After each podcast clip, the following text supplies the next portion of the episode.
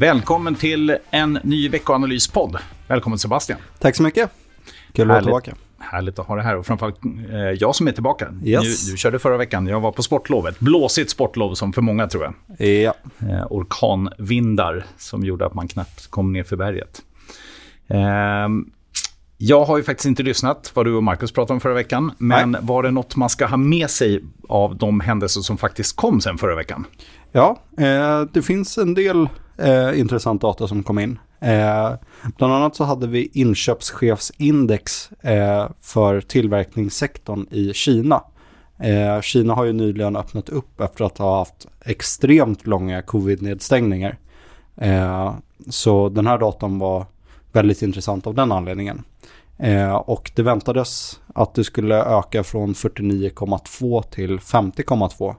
Eh, men det kom in långt bättre än väntat faktiskt. Och ökade till 51,6. Snyggt. Eh, så tillverkningssektorn i Kina såg helt enkelt en ganska rejäl förbättring gentemot föregående månad. Och med tanke på att det där är jämfört med föregående det känns ju som att om det lättar upp, liksom, alltså öppnar gradvis så kanske vi får se lite fortsatta förbättringar där i alla fall. Ja. Eh. Um, och det är bra, bra att någon del i världen drar lite grann. Um, ja. Nu har det ju i och för sig kommit in lite överraskande positiv data från annat håll. Uh, ja, även det under de senaste månaden. Men, men det känns som att det ändå är lite taktpinne Kina uh, för tillfället. Där mm. ju det har varit otroligt nedstängt och så. Så att, uh, bra att det tar över när annat viker överlag. Ja. Men eh, eh, någonting annat förra veckan var om vi, om vi Ja, eh, sen så fick vi även preliminär inflationsdata eh, för eurozonen. Eh, och den var betydligt dystrare än väntat. Eh, där vi fick se huvudsiffran landa på 8,5. Mm. Eh, vilket är bättre än föregående månads 8,6. Men det var väntat att det skulle ner till 8,2 procent. Och sen så var det än värre när man kollade på kärninflationen. Eh, som väntades vara kvar på 5,3 från föregående månad. Mm. Men som steg till 5,6 procent. Ja, det känns som att eh, vi får se den här inflationstoppen. Hur, hur, om den dels verkligen har skett och dels om, den, eh, om det ska vika ner så snabbt som, som många tror nu. Ja. Ehm, och det finns väl en risk att vi ändå har viss viss inflation kanske under längre tid. Men eh, just nu så ska den väl vika från de här höga talen och gör inte det på en gång så blir ju självklart marknaden lite besviken då. Mm. Ja, intressant. Jag ehm. såg ju förra veckan att eh, redan 2024 så väntar sig Riksbanken att man kommer ligga under inflationsmålet igen. Okay. Men eh, det är vägen dit som är jobbig. Det, så är det. Så ja, väldigt intressant att följa. Och eh, när vi då blickar in i den här veckan då också så har vi ju jätteintressant data som ju också självklart påverkar inflation väldigt mycket. Ja. Jag eh, tänker, eh, det kommer ju fler siffror men jag tänker framförallt sysselsättningsdata i USA. Mm. Det är ju fullt fokus på Fed och saker som har med Fed att göra den här veckan. Exakt. Så sysselsättningsdatan som du nämnde, föregående månad stack ju ut rejält. Eh, man väntade sig att för första gången på länge komma under den symboliskt viktiga nivån om 200 000 nytillsatta tjänster. Eh, och kom istället in på 517 000. Mm. Eh, och det var ju en rejäl avvikelse som eh, bland annat berodde på säsongsbaserade jobb eh, och eh, andra saker. Men eh, nu väntar man sig återigen landa omkring 200 000. Eh, och eh, det blir väldigt intressant att se vad den kommer in på. För det påverkar ju hur pass mycket Fed tänker sig att man ska strama åt. Exakt. Um, ja, väldigt intressant. Uh, som sagt, en, en månads data är ingen data, höll jag på att säga. Jo, det är det visst, men det är inte en, en ny trend. Och det man kan säga är att just den här sysselsättningssiffrorna har ju vikit under egentligen, ja, lite drygt ett halvår så har det gått ner för varje gång i princip. Ja. Uh, så det, det ser ut som en riktig chocksiffra när man ser grafen och det här är ju otroligt viktigt för Fed. Och vad har vi kring Fed den här veckan då som är intressant? Ja, det är ju fullspäckat. Eh, framförallt för Feds ordförande Jerome Powell. Han har ett hektiskt schema den här veckan. Mm. Eh, han ska prata inför senaten eh, på tisdag. Han ska prata inför husets eh, Financial Services Committee på onsdag. Eh, och så släpper eh, Fed även sin så kallade Beige Book eh, på onsdagen. Som är deras eh, sammanställningar över eh, ja, hur de bedömer läget i ekonomin i de olika Fed-distrikten. Exakt. Jag hoppas att den inte är för beige då. Så ja. det blir lite tråkig stämning. Ehm, men eh, ja, väldigt viktigt naturligtvis ehm, för att se hur det fortsatt ska gå. Marknaden prissätter ju eh, fortsatt räntehöjningar men sen också att det ganska snabbt ska vika ner mm. i, i, USA också då. Men, men det ska toppa på, vad är det, 5,5 nu? Ja. Någonstans där. Mm. Eh, nu väntas ju inte lika snabba sänkningar som man förväntade sig för bara en månad sedan. Eh, förväntningarna har ju helt ställts om efter bland annat den starka arbetsmarknadssiffran från föregående månad.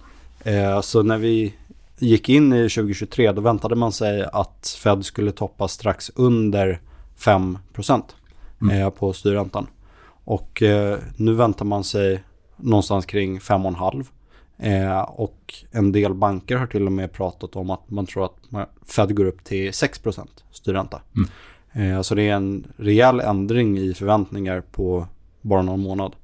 Ja, det ska eh, bli eh, otroligt intressant att se det genomslaget. Alltså jag tänker, redan viker ju bostadsmarknaden att rätt kraftigt, eller kanske till och med om man tittar på försäljningen på befintliga hem till exempel, mer kraftigt än innan finanskrisen. Mm. Eh, men samtidigt ska man ju komma ihåg att liksom på de här räntorna som vi ser nu och så som liksom bolåneräntor är och så vidare, så är det otroligt få. Det är liksom, de flesta ligger ju under den här räntan i sina, eftersom de har bundit det mycket tidigare. Ja. Så det är liksom ingen kris, alltså det är inte så att alla ligger med liksom motsvar I Sverige så är det mycket jobbigare eftersom fler sitter med rörliga lån. Mm. Men i USA har man ju till stor del väldigt långa bindningstider. Eh, och eh, då är det ju en stor mängd som ligger på ganska låga nivåer fortsatt. Men framöver så självklart så kommer det här mm. påverka ganska mycket också. Det är ju också väldigt lätt att förstå att man kanske inte är så benägen att ta ett nytt bolån på 5 procentenheter högre ränta än vad man har i gamla. Exakt. Om man binder det på 30 års tid.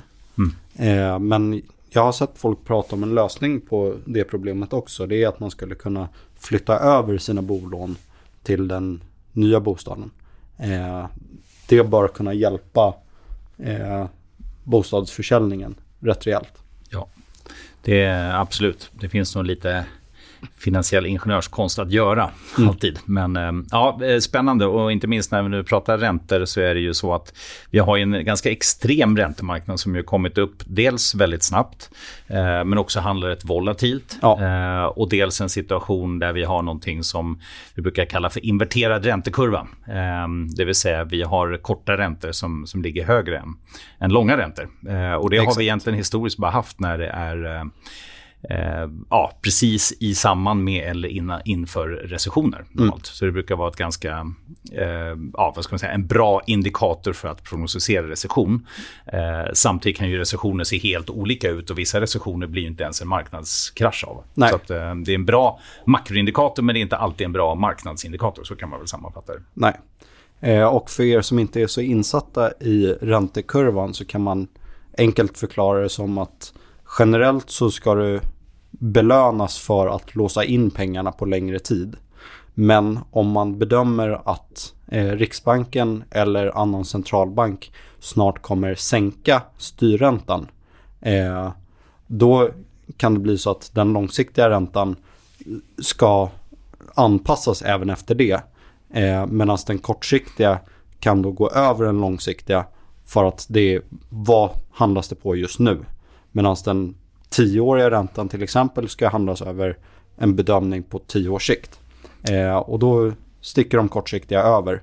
Eh, och anledningen till att man tror att centralbanken ska sänka räntan är just för att man tror att man rör sig mot en recession eh, där centralbankerna kommer tvingas stimulera ekonomin. Exakt. Så man kan säga att den korta räntan är lite mer nu, nu, nu för att kanske eh, matta av ekonomin från en liksom, eh, över, eh, ja, höll på en överansträngning, det kan man kalla det också, ja. men från en kanske lite för eh, hypad ekonomi, eh, medan de långa räntorna prisar liksom långsiktig tillväxt, långsiktiga inflationsförväntningar och så vidare. Mm. Så att eh, rätt intressant här nu. Det känns som att det kommer vara rätt makrodrivet och mycket liksom centralbanker, räntemarknader och så vidare. Och det är ju rimligt nu när rapportsäsongen egentligen är i princip bakom oss. Och man, vad kan man säga om bolagen? Liksom? Vi, ja, de tycker ju inte att vi är i någon slags recession i alla fall. Eller? Nej, eh, än så länge så upplevs det ändå som att eh, bolagens syn på ekonomin är relativt okej. Okay. Eh, det har ju gjorts personalnedskärningar som har fått stor medial uppmärksamhet. Eh, men de här är ändå relativt små. Eh, trots den stora uppmärksamhet de har fått. Eh, arbetslösheten är väldigt låg eh, i Sverige, i eurozonen och i USA.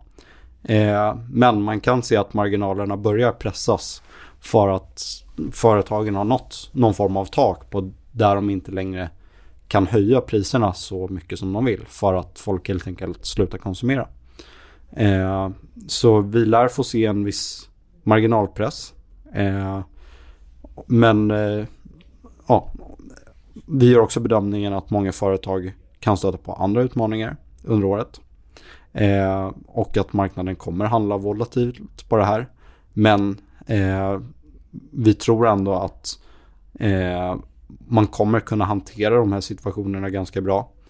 Eh, vissa personalnedskärningar kommer inte orsaka några större problem för bolagen. Utan många bolag har samlat på sig väldigt stora personalstyrkor som egentligen inte behövs. Den personalen kan gå vidare till andra jobb eftersom arbetslösheten är otroligt låg. Många företag skriker fortfarande efter personal eh, medan andra har byggt upp för mycket. Eh, så det behöver inte bli något mardrömsscenario av det här utan Nej, man kan väl titta historiskt så är det ju så att bolagen är ju faktiskt väldigt duktiga på att upprätthålla lönsamhet även när det viker. Ja. Eh, sen kan ju marknaden prisa in någonting värre ändå. Så liksom börsnedgångar kan ju vara jättekraftiga men liksom de här ganska stabila och liksom balansräkningstunga bolagen brukar klara det alldeles, alldeles utmärkt. Det man gör kanske är att man minskar utdelningen, ställer in något år eller liksom, men det, det är fortfarande oftast god lönsamhet måste man ändå säga. Absolut. Eh, så ja, men intressant. Och sen så är det ju självklart också så det kanske är lite tidigt och i den här rapportsäsongen att se liksom, när ekonomin kanske inte har vikt så mycket än. Så nog kan det komma kanske lite mer, men, men det är för tidigt att säga. Så vi får, vi får ja, vänta in några rapportsäsonger till helt enkelt. Mm.